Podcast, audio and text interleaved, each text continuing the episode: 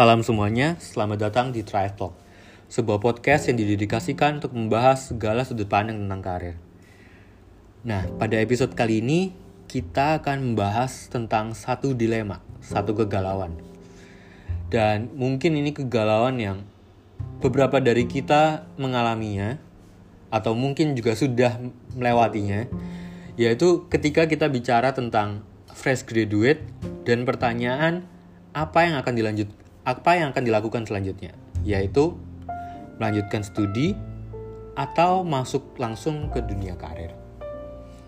Ya, kalau kita bicara tentang mengambil keputusan, melanjut, mengambil langkah selanjutnya, kalau kita bicara uh, di studi kita mungkin waktu kita SD atau SMP atau SMA, mungkin pilihan kita itu lebih jelas gitu bahwa oh ya kita melanjutkan studi dan pilihannya adalah tinggal melanjutkan studi apa gitu. Misal kalau SMA ke kuliah tinggal mengambil jurusan apa yang mau kita dalami. Nah, tetapi beda ketika kita bicara tentang lulus dari S1 dan mengambil langkah selanjutnya. Di sini kita dihadapkan sebuah pilihan yang benar-benar diberikan kepada kita dan kita yang harus memutuskan apa langkah selanjutnya. Jadi dalam episode kali ini kita akan coba membandingkan dan melihat apa sih yang kita bisa pertimbangkan dari mengambil langkah mengambil studi lanjut atau langsung uh, terjun ke dalam dunia karir. Nah, di sini mungkin kita akan membahas lebih banyak dulu tentang mengambil studi lanjut.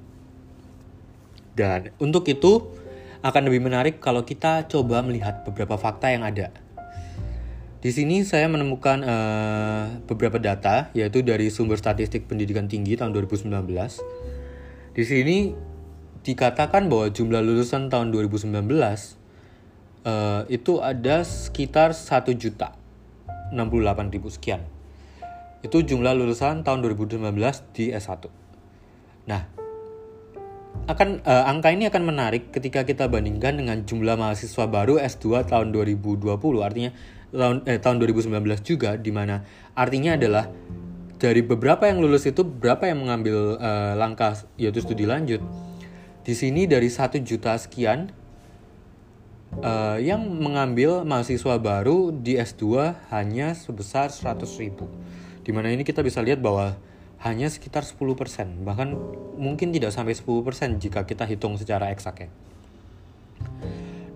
Dan ini menjadi mungkin perlu kita lihat mengapa jumlah mahasiswa baru uh, untuk ketertarikan uh, lulusan S1 ke S2 ini masih tergolong kecil.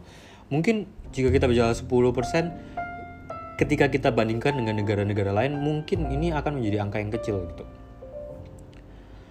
Dan ini bisa kita lihat mungkin harus kita jadikan sebuah pertimbangan.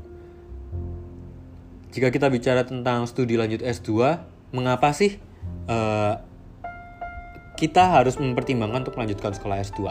Ada beberapa pertimbangan yang saya dapatkan, yaitu yang pertama, jika kita bicara sebagai lulusan S2 dibandingkan dengan lulusan S1, kita di sini akan diberikan uh, sebuah kesempatan yaitu peluang lapangan kerja yang lebih banyak gitu. Jika kita bicara di Indonesia, kalau tidak bicara tentang peluang lapangan kerja, paling tidak kita bisa memulai starting karirnya kita ini dengan posisi yang lebih baik. Di sini kita punya kemampuan untuk melakukan negosiasi tentang terkait gaji, terkait posisi waktu kita mendaftar. Dan jika kita lihat juga ini salah satu yang tadi ketika, jika kita merefer ke data yang tadi bahwa lulusan di S2 sendiri artinya masih cukup sedikit di Indonesia di mana ini akan menjadi salah satu nilai lebih ketika kita bisa uh, mempunyai itu gitu. Lalu pertimbangan kedua kenapa untuk melanjutkan sekolah S2 adalah dari skill dan insight. Di sini saya sendiri sebagai salah seorang yang memilih untuk melanjutkan studi S2 di sini saya mendapatkan bahwa memang secara skill dan insight ini sangat uh, membantu karena jika kita bicara tentang S1 dan S2, perbandingan mendasar adalah di S2 ini kita akan menemukan lebih banyak studi kasus dan praktek. Di mana ini akan sangat relate dengan apa yang kita akan hadapi ketika kita memutuskan untuk masuk karir. Jadi, ketika kita studi S2 dalam arti kita sudah mempunyai dasar, kita sudah dapatkan insight lebih dan ini akan membantu kemampuan analisa dan riset kita untuk bisa uh, lebih perform di dunia kerja seperti itu. Dan pertimbangan yang terakhir yang tidak bisa kita pungkirin juga bahwa investasi yang paling berharga di S2 bukan hanya dari sisi ilmunya saja, tapi dari sisi network. Di mana uh, jika kita bicara tentang network dan S2, ini nggak cuman kita bicara tentang prestis gitu, tapi kita juga bicara tentang koneksi yang kita dapat dari S2. Seringkali juga universitas-universitas yang memiliki program magister itu memiliki jalur network dengan institusi atau organisasi maupun perusahaan.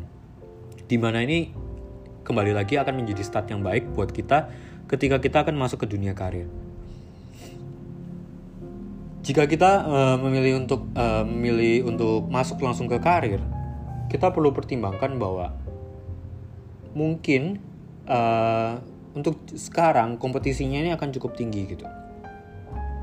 Selain cukup tinggi, Artinya kita juga bersaing dengan sekitar satu juta lulusan baru itu juga di mana kita harus akui bahwa akan ada banyak pertimbangan yang dilihat oleh perusahaan mulai dari CV mungkin mulai dari background uh, sekolah dan di sini ketika kita mendapatkan kesempatan itu pun kita masih dihadapkan dengan satu challenge yaitu apakah kita mampu bersaing dan menonjol di tempat kerja yang kita punya sekarang gitu. Nah, di sini uh, kita akan kembali lihat lagi apa sih bekerja dan sekolah beberapa pertimbangan yang mungkin kita bisa pikirkan juga. Ketika kita dihadapkan sebagai uh, dihadapkan sebuah pilihan, kita lulus sebagai fresh graduate S1 dan kita dihadapkan sebuah pilihan uh, apa aku mau langsung kerja atau aku studi lanjut dulu ya gitu di sini uh, sebagai dari sisi pengalaman yang saya punya juga saya akan ada uh, saya akan bagian beberapa pertimbangan yaitu yang pertama mungkin kita nggak harus untuk langsung melakukan studi lanjut karena kita harus lihat bahwa beberapa jurusan atau sekolah kita ambil saja contoh yaitu magister, magister manajemen biasanya itu menuntut adanya pengalaman kerja terlebih dahulu gitu. Dan beberapa graduate studies yang memiliki kelas-kelas khusus beberapa malah justru condong untuk memilih uh, mereka yang sudah punya pengalaman karir bahkan sampai ke posisi tertentu. Jadi mungkin ini bisa jadi pertimbangan bahwa oh ya aku pingin sekolah aku pingin mendapatkan uh, sesuatu memiliki pingin punya studi lanjut pingin punya gelar tambahan tapi aku bisa memulainya dengan pengalamannya terlebih dahulu seperti itu kita juga harus lihat bahwa sekarang banyak peluang untuk kita bisa melakukan uh, tetap bekerja lalu mengambil studi di malam yaitu karena banyaknya Eh, universitas-universitas uh, yang sudah menyediakan kelas malam seperti itu. Dan yang lebih penting lagi ketika kita bicara tentang pilihan bekerja atau sekolah, kita harus tahu bahwa setiap dari kita punya urgensinya masing-masing. Bisa dari sisi finansial, bisa dari sisi keluarga, bisa dari sisi prioritas apa yang harus kita lakukan. Di sini kita tidak boleh ideal, uh, tidak boleh idealis kita harus melihat bahwa ya ada beberapa prioritas dan tantangan yang kita masing-masing individu punya dan hadapin.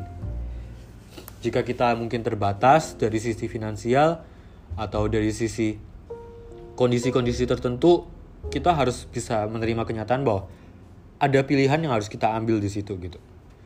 Dan ketika kita juga mendapatkan kesempatan, misal adanya beasiswa, adanya tawaran, perlu kita pertimbangkan juga apa yang paling memberikan keuntungan buat kita gitu ya kita harus ingat bahwa kesempatan itu nggak datang dua kali gitu dan ketika kesempatan itu datang yang paling penting adalah kita siap mengambilnya dan kita juga siap buat melakukan yang terbaik dari situ. Jadi ini sangat penting.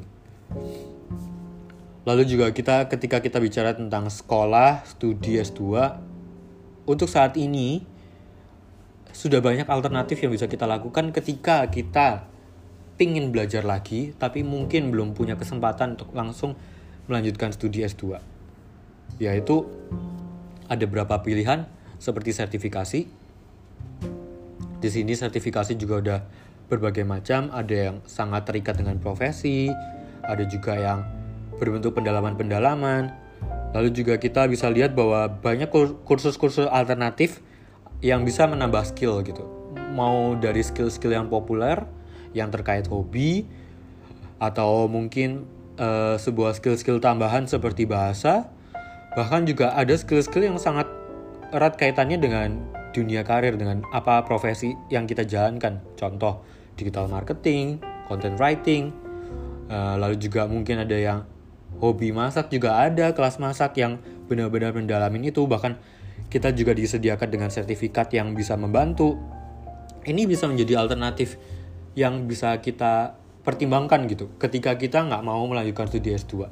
Nah, bahkan secara bisa dibilang bahwa kelas-kelas alternatif ini bisa menjadi satu pilihan yang lebih baik ketika memang kita punya sesuatu yang fokus, kita eh, nggak uh, punya terlalu banyak waktu mungkin, uh, tapi kita ingin belajar studi atau melakukan uh, pendalaman dari skill-skill yang kita miliki. Ini bisa menjadi satu pertimbangan.